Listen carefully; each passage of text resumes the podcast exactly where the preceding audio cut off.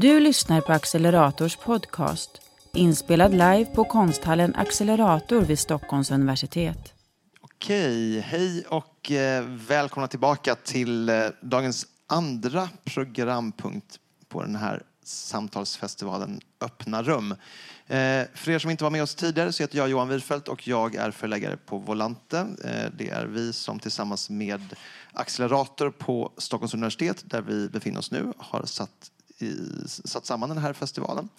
Ehm, och eh, rubriken för det samtalet som vi ska få ta del av alldeles strax är Efter covid, samma munskydd här som där. Um, coronapandemin är den mest genomgripande samhällskrisen och slaget mot folkhälsan världen upplevt på flera generationer. Uh, men som vi, många av oss har märkt så har ju också covid-19 varit mer än så. Eh, det utvecklades även till en informationskris. Eh, och nu när den mest eh, akuta fasen av pandemin förhoppningsvis håller på att klinga av så är det kanske på många sätt den här informationskrisen som vi egentligen känner av mer. Ehm, vi ser dagligen hur forskning och vetenskap ställs mot politiska intressen och ibland så övergår det också till rena konspirationsteorier. Samtidigt finns det förstås rimliga frågor att ställa till Eh, till makthavare. Det finns eh, rimlig kritik att rikta mot beslutsfattarna för hur pandemin har hanterats. Så frågan är hur man ska navigera det här landskapet. Eh, och det ska vi försöka bena i under de kommande 45 minuterna.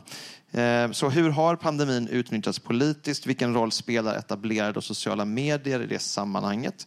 Eh, hur kan vi som samhälle och individer rusta oss eh, bättre mot desinformation och ovetenskaplighet? Och hur kommer det sig att en enda politiker utanför Sverige som verkar hålla med Anders Tegnell, åtminstone ett tag, verkade vara Donald Trump.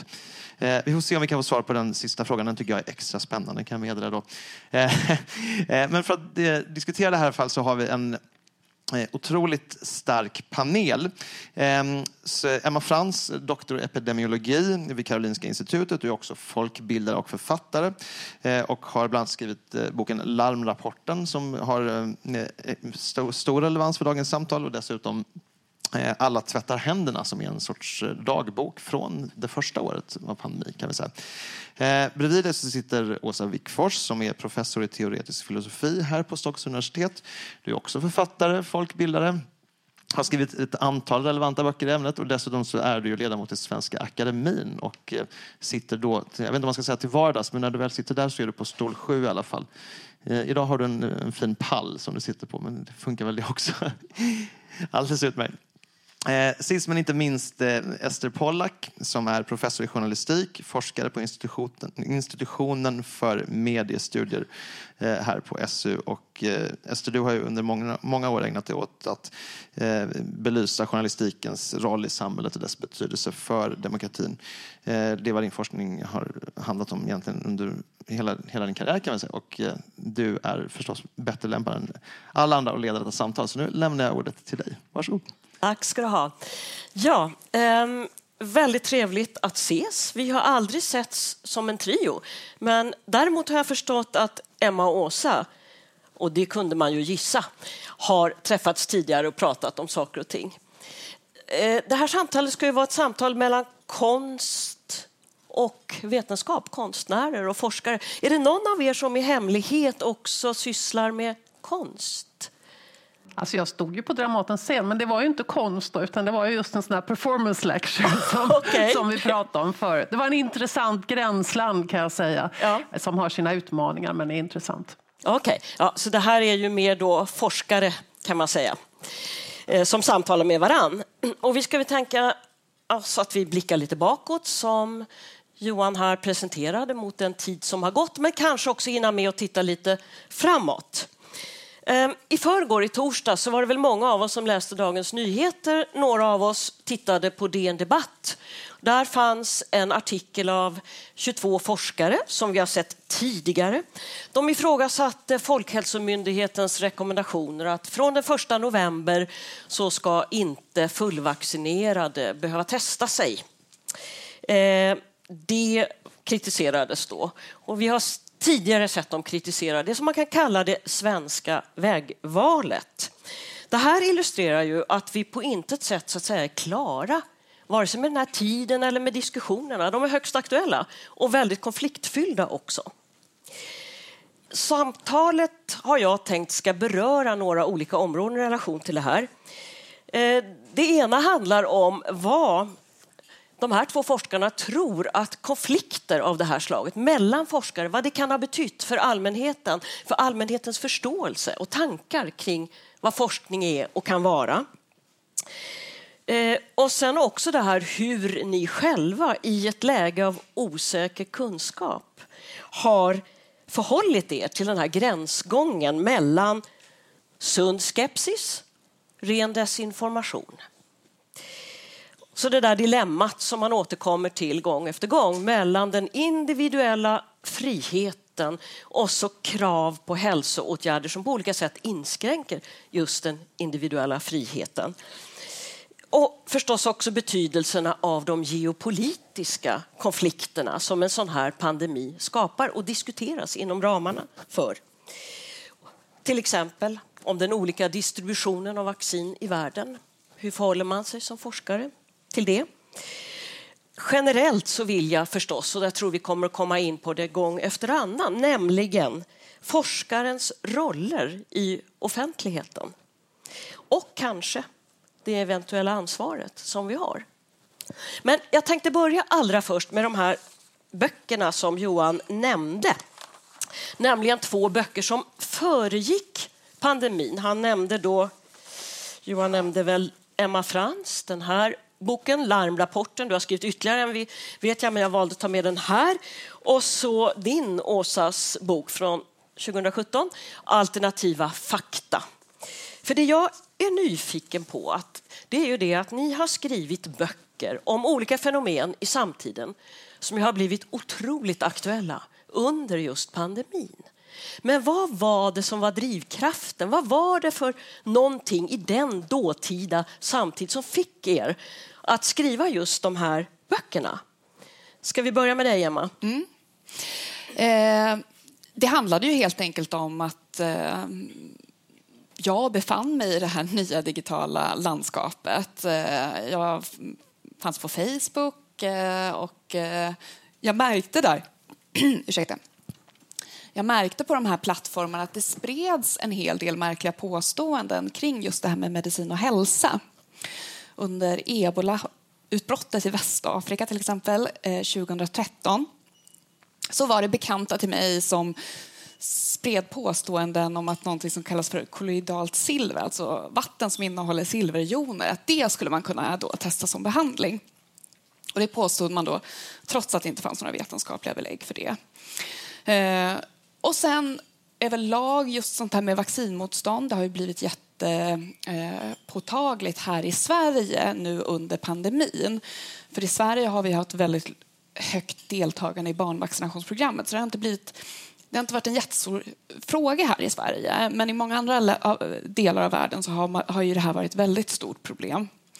Och man har också liksom listat det här med vaccinmotstånd som ett av de största hoten mot global hälsa och det var också före pandemin. Sen så blev det ju jätterelevant och här tror jag Åsa också kommer in just det här när när eh, en, eh, en man i, blev vald till president i USA som verkligen då inte alls hade någon respekt för sanningshalten i de påståenden som han gjorde. Vi kunde också se i Brexit, eh, just det här när det blev så påtagligt att utfallen i demokratiska val påverkades så mycket av felaktigheter som spreds.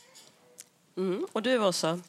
Ja, nej men jag kom ju från det filosofiska hållet och hade väl under några år funderat på eh, liksom olika typer av hot mot kunskapen som jag kunde se i samhället som kom från lite olika håll. Eh, ifrågasättande av, av idén om kunskap, att det finns några fakta överhuvudtaget. Men också då eh, tilltagande desinformation och politiker som uppenbarligen föraktar kunskap och fullkomligt struntar i det. Så att det var liksom många sådana saker som hade bubblat några år. Och sen var det ju som du sa, det var ju Trump som gjorde gjorde att jag tog mig ur mitt forskarrum här på Frescati ut i offentligheten. För jag kände att Eh, när han började prata om alternativa fakta just då, att nej, nu, det här är helt bisarrt. Och jag såg på något vis hur det här, den typen av politiker, högernationalistisk populism, gifte sig med en allmän liksom, frågasättande av sanning och kunskap och med det nya informationslandskapet. Då. Och jag såg framför mig att det här, det här, kommer, inte, det här kommer inte sluta väl. Och det gjorde det ju verkligen inte i USA heller. Det har ju inte slutat än där, tror jag. Vi vet inte om demokratin överlever i USA. Um, så att um, det, det, det, var flera saker som bubblade. Mm. Och så kommer då pandemin. Och då exploderar ju väldigt mycket av det här kan man säga. Eh, jag tror någon nämnde det tidigare. Vi medieforskare brukar använda beteckningen infodemi, alltså en sån här häxbrygd kan man säga, där sanning, påhitt, lögner blandas i en enda soppa och med blixtens hastighet som ju sker idag med tanke på de sociala medierna där ju allting färdas ofantligt fort och kan spridas till så många när det blir ett lika stort problem så att säga som pandemin, så infodemin då. Men då är ju frågan hur förhåller man sig som forskare? Som, vi pläderar ju ofta för den kritiska blicken, den sunda skepsisen och så vidare. Eh, men hur förhåller man sig då till just en sån kritisk blick på vaccinationer och ett vaccinations motstånd som handlar mer om att man har nappat på alla möjliga farligheter som det kan innebära. Alltså ren desinformation, den där gränsgången mellan det. När också där människor tar till sig så vansinnigt många olika fragmenterade verklighetsbilder helt beroende på vilken typ av källor, vilka nyheter man läser. Hur har ni tacklat just den svårigheten? Kan du börja, Åsa?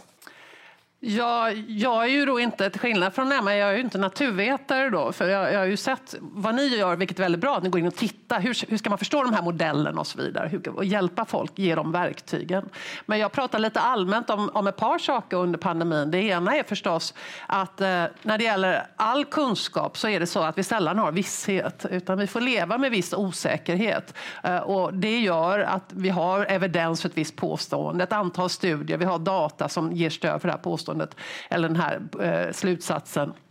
Men vi kan inte vara säkra på att vi inte har fel. Så vi måste vara ödmjuka och öppna för att vi kan ha fel.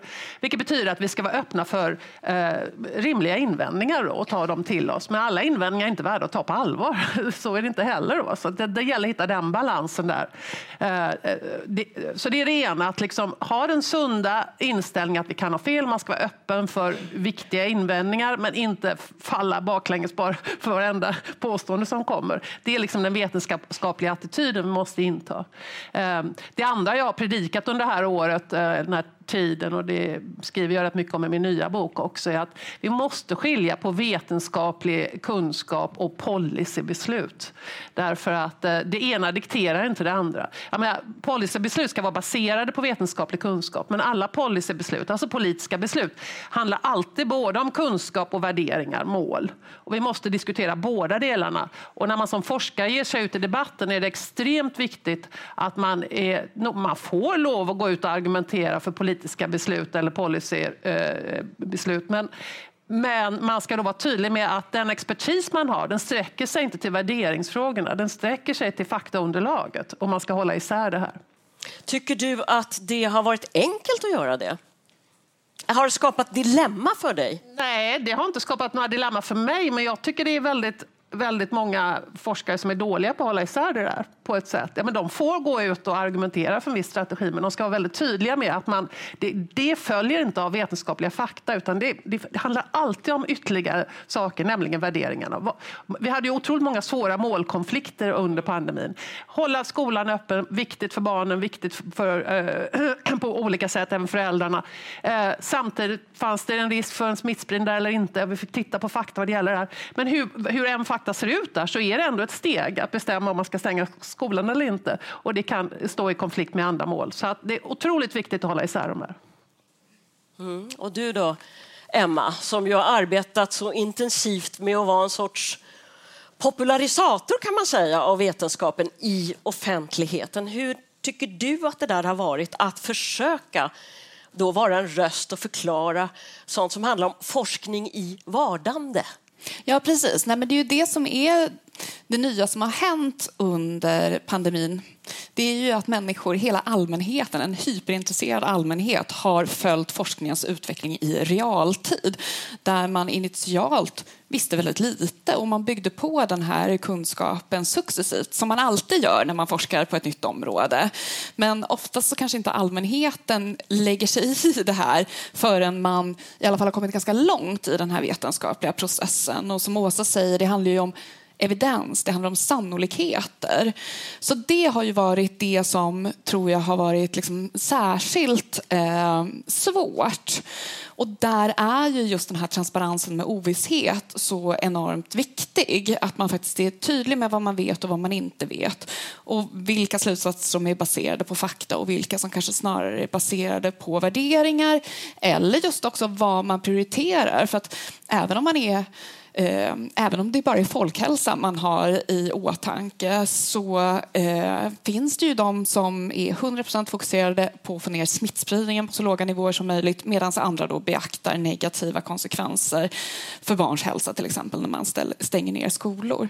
Men som sagt det har varit svårt. Samtidigt så tror jag ju också att det finns någonting pedagogiskt i det här och det man behöver lära människor parallellt med det här kritiska tänkandet det är ju också för att man, att man behöver ha en, ett förtroende för den vetenskapliga metoden och förstå vad vetenskap egentligen är. Att det är en process, att det är ett pussel vi lägger där vi stegvis eh, samlar in kunskap och där det är av yttersta vikt att man också håller ett öppet sinne och att man är mottaglig för ny information. Och jag tror att ett misstag som vissa gjorde i den här debatten var ju också att man tidigt, innan man verkligen hade all den här kunskapen, tog ställning och låste sig då. Det blev väldigt mycket prestige också eh, som stod på spel. Och då är det inte så lätt att ändra den här uppfattningen.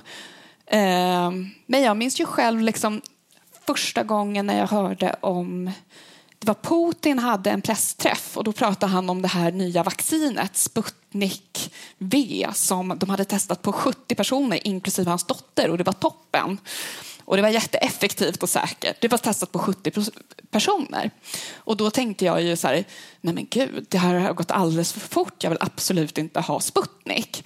Och sen dröjer det bara några månader och data kommer in från de här omfattande stora studierna där man då ser liksom extremt bra effektivitet och väldigt säker biverkningsprofil också. Och då ändrar man uppfattning utifrån den nya data som tillkommer. Så det är ju det där man måste förstå. Man måste ha tilltro till vetenskapen. Mm. Så du kan så att säga, identifiera dig själv också i hur människor i gemen, allmänhet, tänker. Ja. För att det gör vi också ja. på sen, sätt och vis. Visst. Sen så ja. kanske det som skiljer är att jag förstår skillnaden i 70 försökspersoner och 10 000 kanske. Det, det gör många, men vissa människor kanske har lite svårt att förstå när ska jag låta mig övertygas av att nu har vi tillräckliga belägg för att säga att vi vet att nyttan överväger riskerna mm. och så vidare. Du Åsa, som, ju, som du själv säger, du är inte medicinare, du är ingen pandemiforskare så att säga. Och du är, det är däremot du, även om du inte har sysslat med just covid-19. Men var, så att säga, har du känt att nej, den här diskussionen kan jag inte gå in i, det handlar liksom om den medicinska vetenskapens framsteg. Eller har du kunnat se det principiellt eller tänker du att du är, som många av oss är, en kritisk läsare av all slags forskning. Så att på någon nivå kan man ändå dra en slutsats. Hur, hur har du resonerat? Jag, tycker, jag är ju väldigt mycket för, jag tycker ju liksom att forskarna ska ut i offentlighet, men de ska hålla sig till sitt ämne. Så jag är väldigt försiktig med att uttala mig om till exempel medicin. Jag, verkligen, det, jag kan rätt mycket om vetenskapsteori som mm. diskuterar liksom vetenskaplig metod och sådär. Jag, jag kan känna igen att det här var inte en bra metod. Det här är inte att lita på lite grann sådär. Men jag är väldigt försiktig med att uttala mig inom specifika ämnen. Och jag, under hela pandemin ska jag säga har jag varit väldigt agnostisk vad det gäller massa påståenden. För jag kände, dels kände jag att det här, som du sa, i realtid, det är för mycket osäkerhet fortfarande.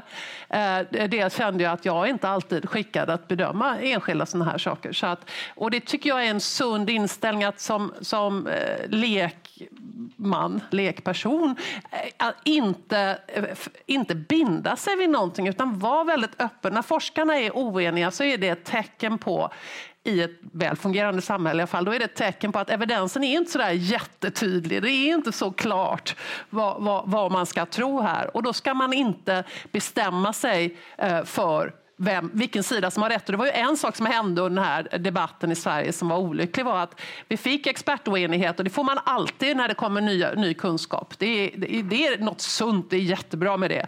Eh, men eftersom den här oenigheten när den utspelade sig i det offentliga ibland blev ganska bitsk och det blev snabbt någon slags polariseringseffekt så valde man som icke-expert sida kanske lite för tidigt då och, och tänkte att det här gänget, det är mitt gäng och, och, och det är ju inte bra utan då man måste hålla sig öppen öppen hela vägen när, man, när experterna är oeniga, för då, då, då är evidensläget oklart, normalt. Ja, Emma?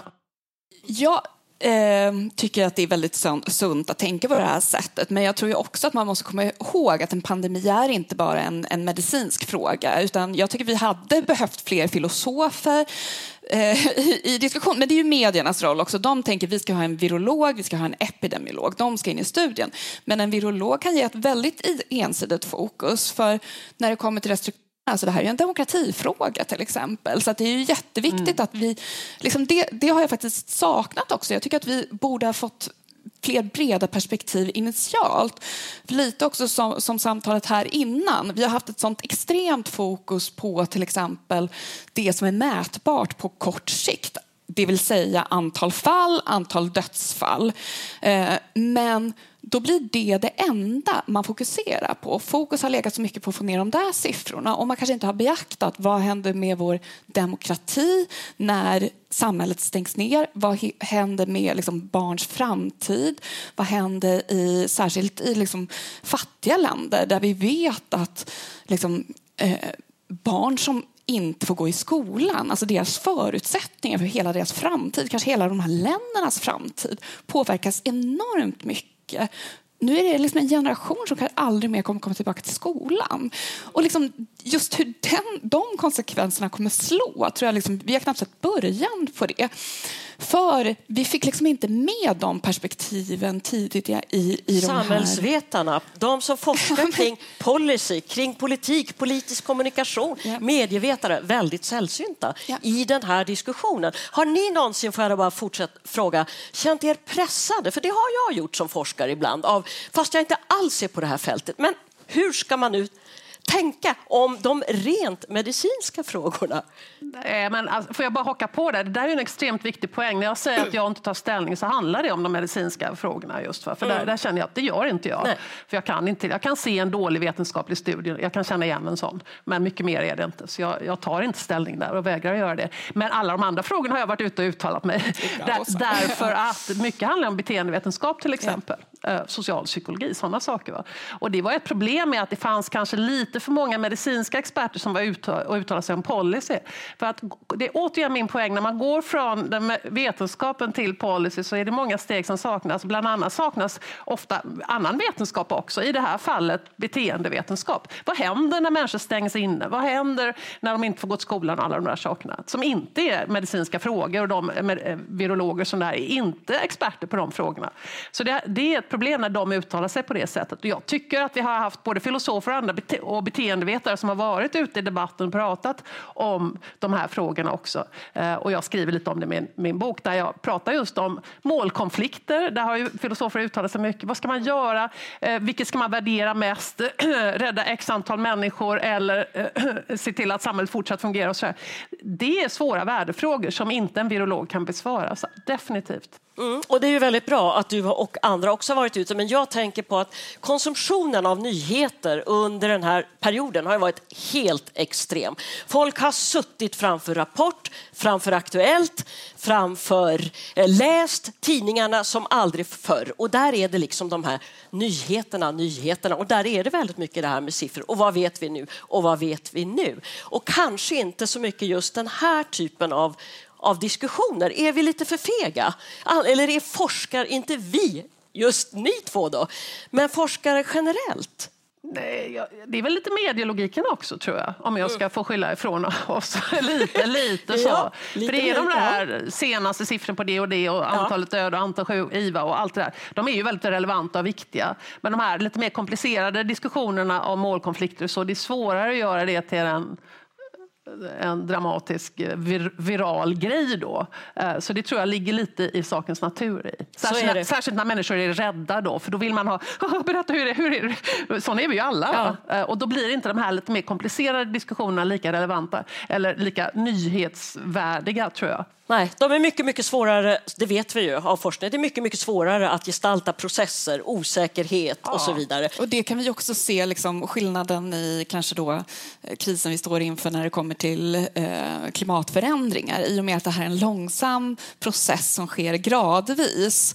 eh, så blir ju inte kanske det hotet lika påtagligt, vi blir inte lika uppskrämda som vi kanske blir när vi ser de här liksom, omedelbara siffrorna över dödsfall ticka uppåt. Så det finns finns ju också någonting, det är, det är liksom ett samspel också, dels medial, medielogiken men också hur vi människor fungerar. Alltså vi är programmerade till att hålla liksom ett väldigt stort fokus på akuta hot och det som eh, kan påverka mina över, överlevnadsmöjligheter på kort sikt. Mm. Och så, det vet vi av, av forskning kring hur sån här hur så att säga, informationen och journalistiken ser ut under kriser. Att i början är det en enorm då efterfrågan på liksom konkret kunskap och då bara kommer och kommer och kommer och ibland rätt oredigerat och icke kontrollerat och källkontrollen är lite si och så. Och först så småningom så kommer diskussionen och kritiken och så vidare. Det tar en liten stund.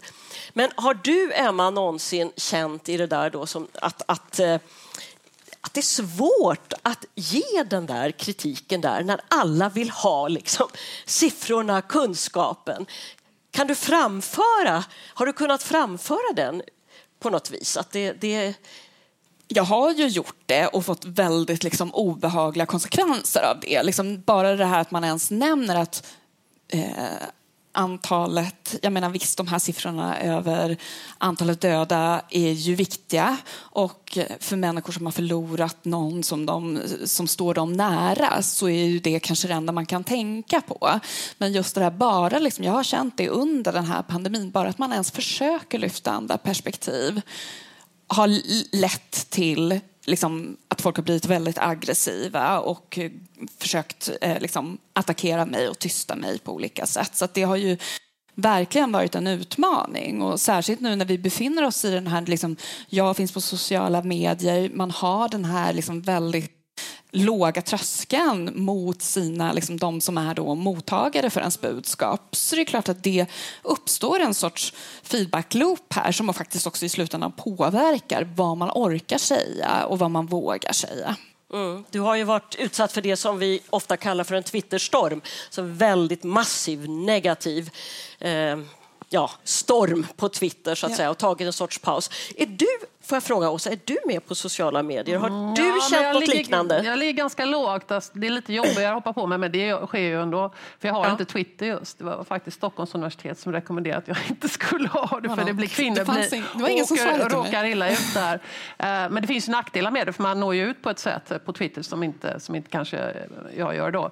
Men eh, så de som vill hoppa på mig, de får skriva ett brev, en e-post och sådär. Och, det händer också, ja. kan jag berätta. Och så, så ja. att, eh, men man inte, inte stormens öga på det viset och det är lite skönt. Då.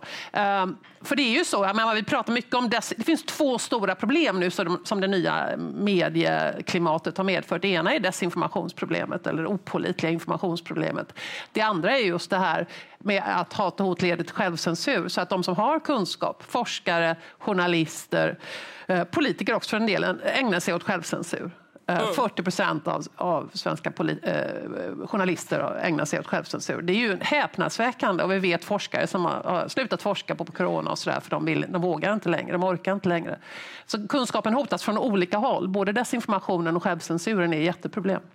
Ja, det är ju det. Och man gör olika val. Jag valde till exempel att inte vara med på sociala medier, inte gå in i Facebook väldigt, väldigt tidigt när det här kom, därför att jag hade tidigare varit utsatt på de alldeles vanliga medierna ja. på olika sätt. Att vara liksom, det jag var då, kvinna och tämligen ung och säga saker och ting som är kontroversiella och som inte passar in är ju ofta ganska, kan vara ganska dramatiskt när man får alla de här kommentarerna och hot och hat och så. Eh, så jag har ju gjort det valet och därmed missar jag kanske en del. Men å andra sidan så kan man ha Twitter och följa utan att själv, ja, jo, vilket ju jag och till exempel jag också. Ja. ja mm. du gör. Mm. Men du, din Emma, tillbaka till det här. Du blev helt överväldigad under en period har jag förstått när jag läst din bok som kom nu, Alla tvättar händerna.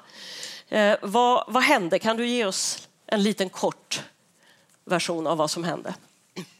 Alltså dels så handlar det om den här kombinationen att man sitter väldigt mycket hemma också. Man är väldigt isolerad. För att jag menar, jag har varit med om lite Twitterstormar även tidigare. Men då är man också ute och möter människor och förstår liksom, det där är, eh, det där är Twitter och det här är verkligheten. I verkligheten är folk trevliga, man kan ha hårda debatter, hårda diskussioner. Men det är inte så att man får den här typen av liksom massiva liksom samlingar som går emot en.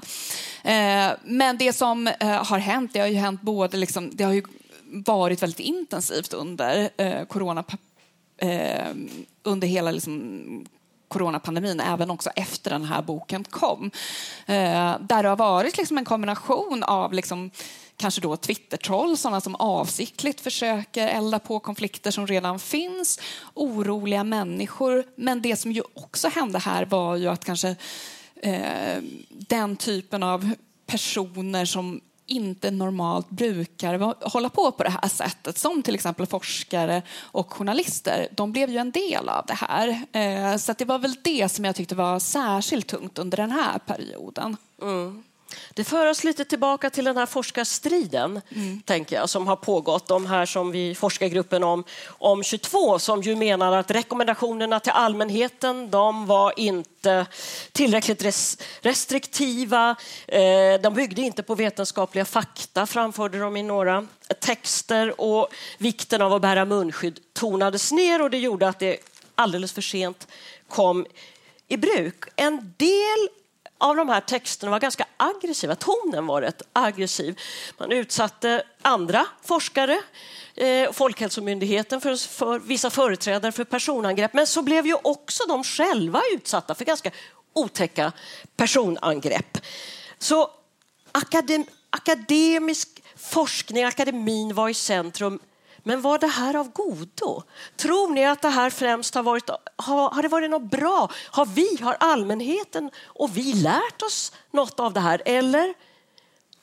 Vad det, säger du, ja, Åsa? Det, det, det, är ju aldrig av godo när forskare är ute och är otroligt aggressiva eh, på gränsen till otidiga. Och, eh, ja, det är aldrig av godo. Och det, jag tycker det är oförlåtligt faktiskt som forskare att göra det. Eh, jag kan bli väldigt förbannad i det privata men jag får inte gå ut som forskare och, och ge uttryck för det. Ehm, det är aldrig bra. Ehm, om, om de sen också fick smaka på detsamma, det är ju inte heller bra. Det, det där är inte okej. Okay. Eh, men sen är det klart att eh, det finns saker som har varit bra med den här offentliga debatten mellan forskare som visar just hur forskning fungerar och hur man måste vända och vrida och tycka olika och försöka ta reda på hur det är. Och så. så det finns saker av det som har varit bra, men det är aldrig bra. Nej. Nej. Säger du, Emma? Nej, jag bara kom att tänka på det. det var ju, nyligen har det ju varit eh, eh, uppmärksammade såna här Facebook-läckor. Och det var någon sån som hade uppdagats nu nyligen, jag tror de skrev om det i Aftonbladet till exempel, eh, just om det här att var, de hade ändrat, Facebook hade ändrat sin algoritm vilket då gjorde att en viss typ av innehåll amplifierades och då var det politiker som hade skrivit i Facebook och klagat och sagt att er algoritm gör att vi måste uttrycka oss på ett aggressivt och hatiskt sätt. Och det tyckte jag var lite lustigt, liksom. just det här att man då lägger man över det här på... För det är klart, det är klart att vi som forskare också samverkar i en sorts digital ny värld i den här medielogiken. Men då måste man aktivt också bestämma sig för att inte spela det spelet. För vi ger ifrån oss makten till de här plattformarna och det är väl det också liksom, jag, jag tycker liksom man har dragits in i en sorts väldigt negativ eh, ett negativt debattklimat och man behöver höja sig från det. För jag tror också att, det tycker jag liksom också vi har sett under den här krisen, att folk har väldigt högt förtroende också för forskare och det måste man ju vårda även på sikt. I krissituationer då går vi till de källor som vi litar på. Andra gånger kan vi sitta och läsa våra horoskop. Det kan vi göra. Men i en kris eh, i en krissituation då går vi på de till dem vi litar på. Alltså då måste man bygga det här långsiktiga förtroendet och inte anamma samma retorik som Twittertrollen har. Nej, har det skadat förtroendet kanske delvis för forskningen? Ja, det vet vi inte än. Vi får väl se hur siffrorna ser ut. Sommarinstitutet mäter ju sånt regelbundet. Ehm, det, det, kan, det kan vara en konsekvens ja, när forskare beter sig så i det offentliga. Vi får se. Mm. Okej, okay, jag tänkte vi ska byta, delvis byta spår lite grann, nämligen att prata om det här, den geopolitiska dimensionen som ju den här pandemin också haft. Olika staters olika intressen så att säga i att eh, hantera den på olika sätt. Det spelar ju stor roll och man kan säga att olika stater till exempel Kina och USA, har tävlat om att ge varandra skulden för pandemiutbrottet, legat i krig med varandra på olika sätt. Eh, man har eh, kan man säga sett en sida av superkontroll, Kina, andra asiatiska länder. Så kan man jämföra det med Trump, Bolsonaris laissez-faire-politik. Allt det där har ju betydelse för hur pandemin har hanterats runt om i världen och faller ju också delvis tillbaka på vår egen diskussion. Då blir det ju väldigt svårt att enbart diskutera den utifrån evidensbaserad forskning. Så hur gör man som forskare då? Vad säger du, Åsa? Man har diskuterat det lite i din senaste bok. Ja, jag diskuterade i min senaste ja. bok som heter då Därför demokrati, om kunskapen och folkstyret. Och den handlar ju just om kunskapens roll i demokratin. Hur kunskapen är helt avgörande och hur det kan gå snett när kunskapen motarbetas på olika sätt för just demokratin. Och jag har ett kapitel som heter Expertväldet som handlar om experternas roll i en demokrati. Och den, den frågan blir ju väldigt aktuell under, under pandemin. För alla politiker världen över då, de stod ju inför en situation, man ska fatta just policybeslut som beror inte bara av fakta men också värderingar. Men fakta var oklara, man visste inte, man behövde hantera, eh, man behövde fatta beslut under osäkerhet. Och hur gjorde man då? Och hur, vilken, vilken typ av hjälp tog man av experterna? Och det varierar varierar väldigt från land till land. Delvis som en funktion av vilken typ av förvaltningssystem man har. I Sverige har experterna en större självständighet från polit eh, politikerna än i, i många andra länder. Då. Eh, men delvis också på grund av inställningar. Men, eh, ser man till Trump så var han ju eh, han avvisar expertkunskap alltid, det gjorde han tidigare också, men absolut nu. Han lyssnar ju inte ens på deras egna experter om corona då, och det blev, fick ju katastrofala följder. Så att eh, det, är en, det är en konsekvens av eh, hur de enskilda demokratiska systemen ser ut, där Sverige är lite av en outlier, och en konsekvens av hur de här politikerna, hur pass villiga de är, hur pass mycket vetenskapsmotståndare politikerna är. Eh, populist, högernationalistiska populister är som regel vetenskapsmotståndare. Bolsonaro Bolsonaro och Trump är, är det båda två. Mm. Men där har du som forskare gått ut så att säga i diskussionen, men du gör det på det här sättet. Du tar det här perspektivet, dem, hoten mot demokratin. Men du har ju, eller hur? Det är så Nej, du har tacklat det. Ja, men det är, jag är väldigt tydlig med skillnaden mellan fakta och värderingar. Det är ju en mm. av de centrala frågorna i den här boken. Där jag, jag är väldigt tydlig med ja, demokratin demokratiska beslut, återigen, är bättre beslut om de är fattade på basis av fakta. Alla beslut är bättre om de är fattade på basis av fakta. Men demokratin handlar inte bara om fakta, det handlar om värderingar också. Eh, och eh, ja, grundläggande värderingar som alla människors lika värde och så. Men sen så får vi svåra såna här värdekonflikter när, när vi mm. står inför en, en eh, samhällskris som vi gjorde då. Och jag är också väldigt tydlig med att vissa saker som jag säger här är rena värderingar. Till exempel att demokratin är bra, det är en värdering. Jag anger själv för den värderingen, men det är en värdering eh, naturligtvis. Eh, mm. och eh, med, medans mycket annat då, som, som vilka skador som som desinformationen gör på demokratin och så, det är ju fakta. Så jag håller isär det väldigt tydligt. Då. Mm. Det har ju också varit intressant under pandemin, just det här att trots att alla har tillgång till samma evidens så gör, fattar man liksom utifrån det väldigt olika beslut. Och jag tyckte ju att det var ytterst märkligt, eh, också från den här bakgrunden som både jag, jag och Åsa följt, att man plötsligt ser Trump-supportrar i USA gå omkring med skyltar där det står “Be like Sweden”. Det är en sån absurd, alltså det är sån mindfuck, liksom, just det här att, jaha. Så att på något sätt blev det ju lite så nu är det väldigt hårdraget, alltså, men just det här att ha en lite softare inställning till hur man ska hantera viruset. Sverige gjorde ju det utifrån det man visste rent vetenskapligt. Medan då Trump ville inte heller liksom ha så mycket hårda restriktioner. Men han gjorde det ur ett liksom, helt annat perspektiv. Ett helt annat, snarare att avfärda det vetenskapliga. Får jag haka på där vad ja. det gäller journalistikens roll ja. i det? För det där tycker jag är en, äh, äh, verkligen äh, jag blev så deprimerad när jag såg det. Därför att precis så var det ju. Han gjorde det på inga grunder alls, för att var, han kände det. Hans magkänsla i vanlig ordning då. Och vi följde vetenskap eh, stort när vi hanterade det här. Och vad som hände då var i USA med den amerikanska pressen och även i, i Storbritannien som The New York Times och The Guardian som jag läser mycket och litar mycket på. Eh, de trodde, precis som Trump-supportrarna, att den svenska strategin, det var Trumps strategi.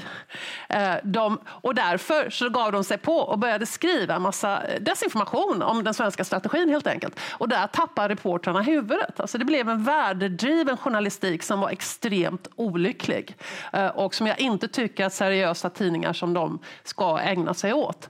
Därför att det blev en del, för dem blev kritiken av den svenska strategin en del av deras kamp mot Trump och så ska inte journalistiken se ut.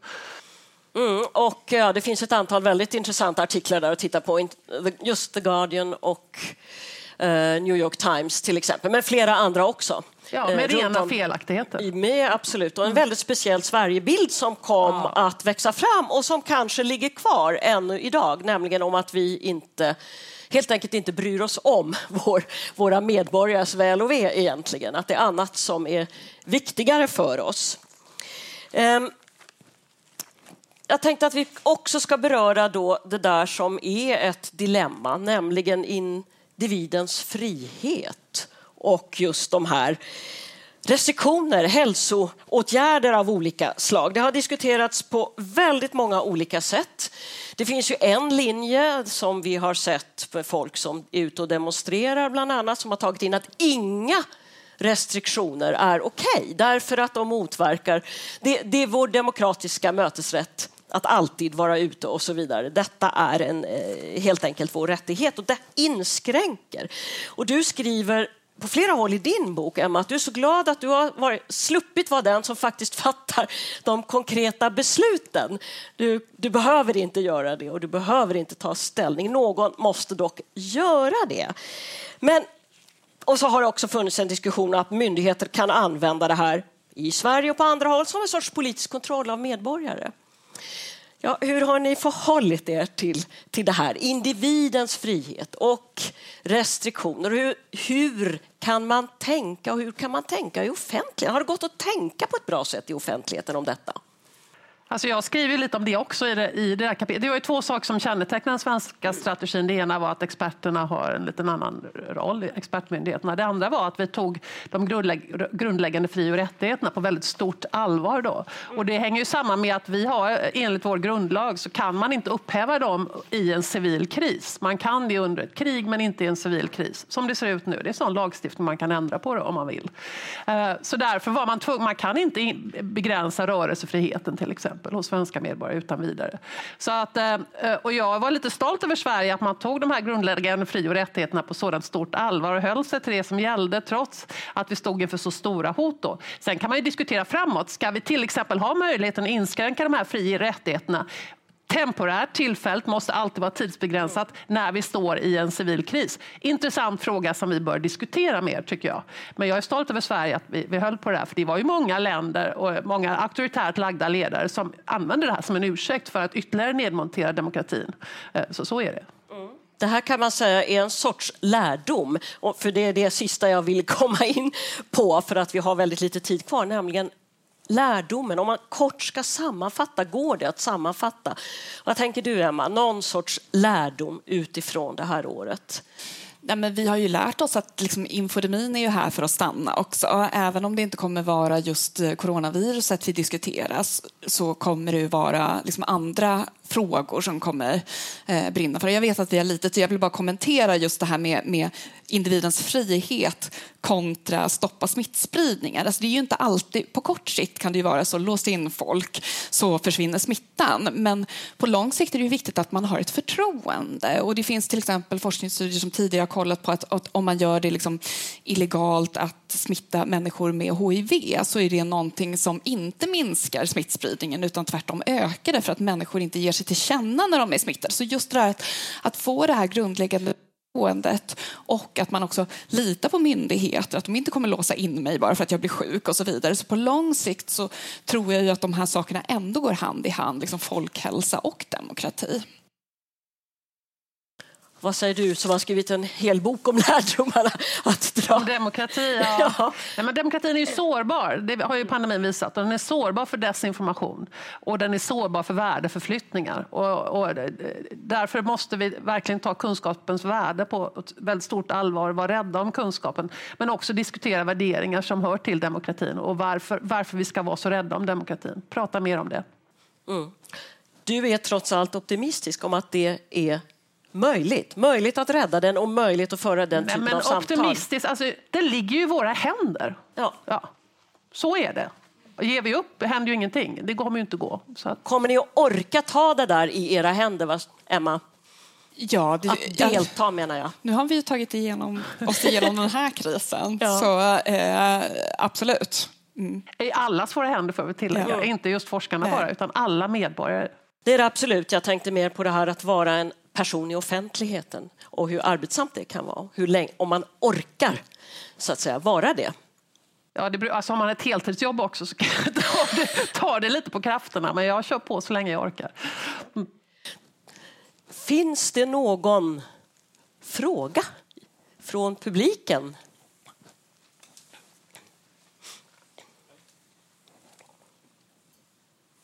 En fråga och en kommentar. Är den på? Eh, mycket intressant eh, att höra Åsa och Emma prata. Min första kommentar den tar utgångspunkt i den tjusiga titeln på Åsas bok som jag tänker mig bygger på Alf Ross bok Varför demokrati som skrevs efter andra världskriget. Och det fick mig att tänka på att jurister, han var jurist och filosof kanske också med statsvetaren Det har ju faktiskt varit på Twitter ett rätt bra samtal mellan just jurister, filosofer och statsvetare just om de här frågorna också. Så man kan se hur Twitter där har liksom lyft upp de här frågorna. Inte bara forskare utan också jurister i allmänhet som har tagit upp precis de frågorna du har berört. Och jag tycker att debatten många gånger har varit alldeles lysande. Absolut. Min kollega Erik Agner skulle jag vilja nämna i det sammanhanget som också är beteendevetarforskare. Då. Så att, eh, absolut, eh, det, det, tycker jag. Ja, visst, därför demokrati är liksom replik på varför demokrati. Och min bror som är med på ett hörn här också, vi tycker att vi har blivit så dåliga på att prata om eh, demokratins värde. Att det har blivit något att ja, det är väl bra, fast det är lite rörigt när alla ska få vara med och besluta. Det, det, det duger inte i dagens läge när demokratin är hotad. Nej, jag håller helt med. Och jag, jag, tycker att det har förts en sån diskussion faktiskt på ett många gånger väldigt förtjänstfullt sätt med filosofer som du säger, mina kollegor på juridiska fakulteter ja, runt absolut, om i landet har del, mm. deltagit. Den andra frågan, kommentaren ni pratar om alternativa fakta. Det har ju förts fram som ett begrepp från vad vi kan uppfatta som inte onda, men från, från rörelsekrafter vi förknippar med Trump, eh, radikal höger. Jag har stött på ett annat begrepp i min forskning som, och mina sammanhang som rör miljöjuridik, där man i globala sammanhang, när man pratar om biologisk mångfald, medicinska frågor, presenterar något som citizen science. Jag vet inte om ni har stött på detta. Mm. Det är ett godhjärtat och ett välment försök att lyfta fram att det finns traditionell kunskap som är värdefull. Men jag ser ett problem där som anknyter till er, det är att man vill lyfta fram någonting och använder ett begrepp som riskerar att urvattnas. Alltså kunskap och insikt kan komma genom konst, genom erfarenhet, genom allt möjligt. Men att lansera detta som citizen science, välment, kan ju göra att just det ni har pratat om, att vetenskap har med en struktur, en process, en verifieringsfunktion att göra, som också, liksom alternativa fakta, kan urvattna det här begreppet. Jag vet inte om ni har stött på detta eller vad ni jo, har för reflektioner till det? det har jag. Ibland är det rätt oskyldigt, liksom folk ska gå ut och räkna kottar i skogen och se hur det står till med kottarna och sådär. Menar, att man deltar som dat med datainsamling då. Eh, men det, kan, det finns risker med det där, precis som det finns risker med när man säger att eleverna i skolan ska forska när de ska ut och googla. Då. Det, det, det, det är inte bra. Utan, eh, vi hade en fortbildningsdag för lärare igår där vi pratade mycket om att ni måste prata mycket mer om hur forskning fungerar. Vad som krävs för att man ska få en artikel om klimatförändringar publicerad. Herregud vad så mycket hoops man ska hoppa igenom då. Eh, sånt tror jag. Så att det finns en risk att det begreppet, samtidigt tror jag det är bra att allmänheten inkluderas i liksom kunskapsinsamling och får en inblick i hur, hur vetenskap fungerar. Ja, jag tror det också. Jag har bara, men jag har bara stött på just detta att det är ett sätt att öka värdet och man kanske ska lansera det på ett annat sätt. Mm. Men visst, när man håller isär då, som du säger, det, kanske, det är också bra tror jag, för små barn och lärare börja nu forska. Liksom. Det kan vara ett kreativt sätt att, att börja tänka. Ja, väldigt bra kommentar, tack.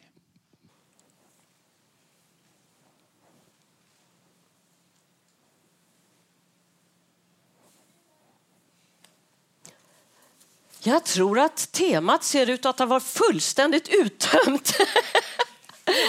Ja, det var bra. Tack Emma och tack Åsa för att ni var med på tack det här samtalet. Tack. Tack.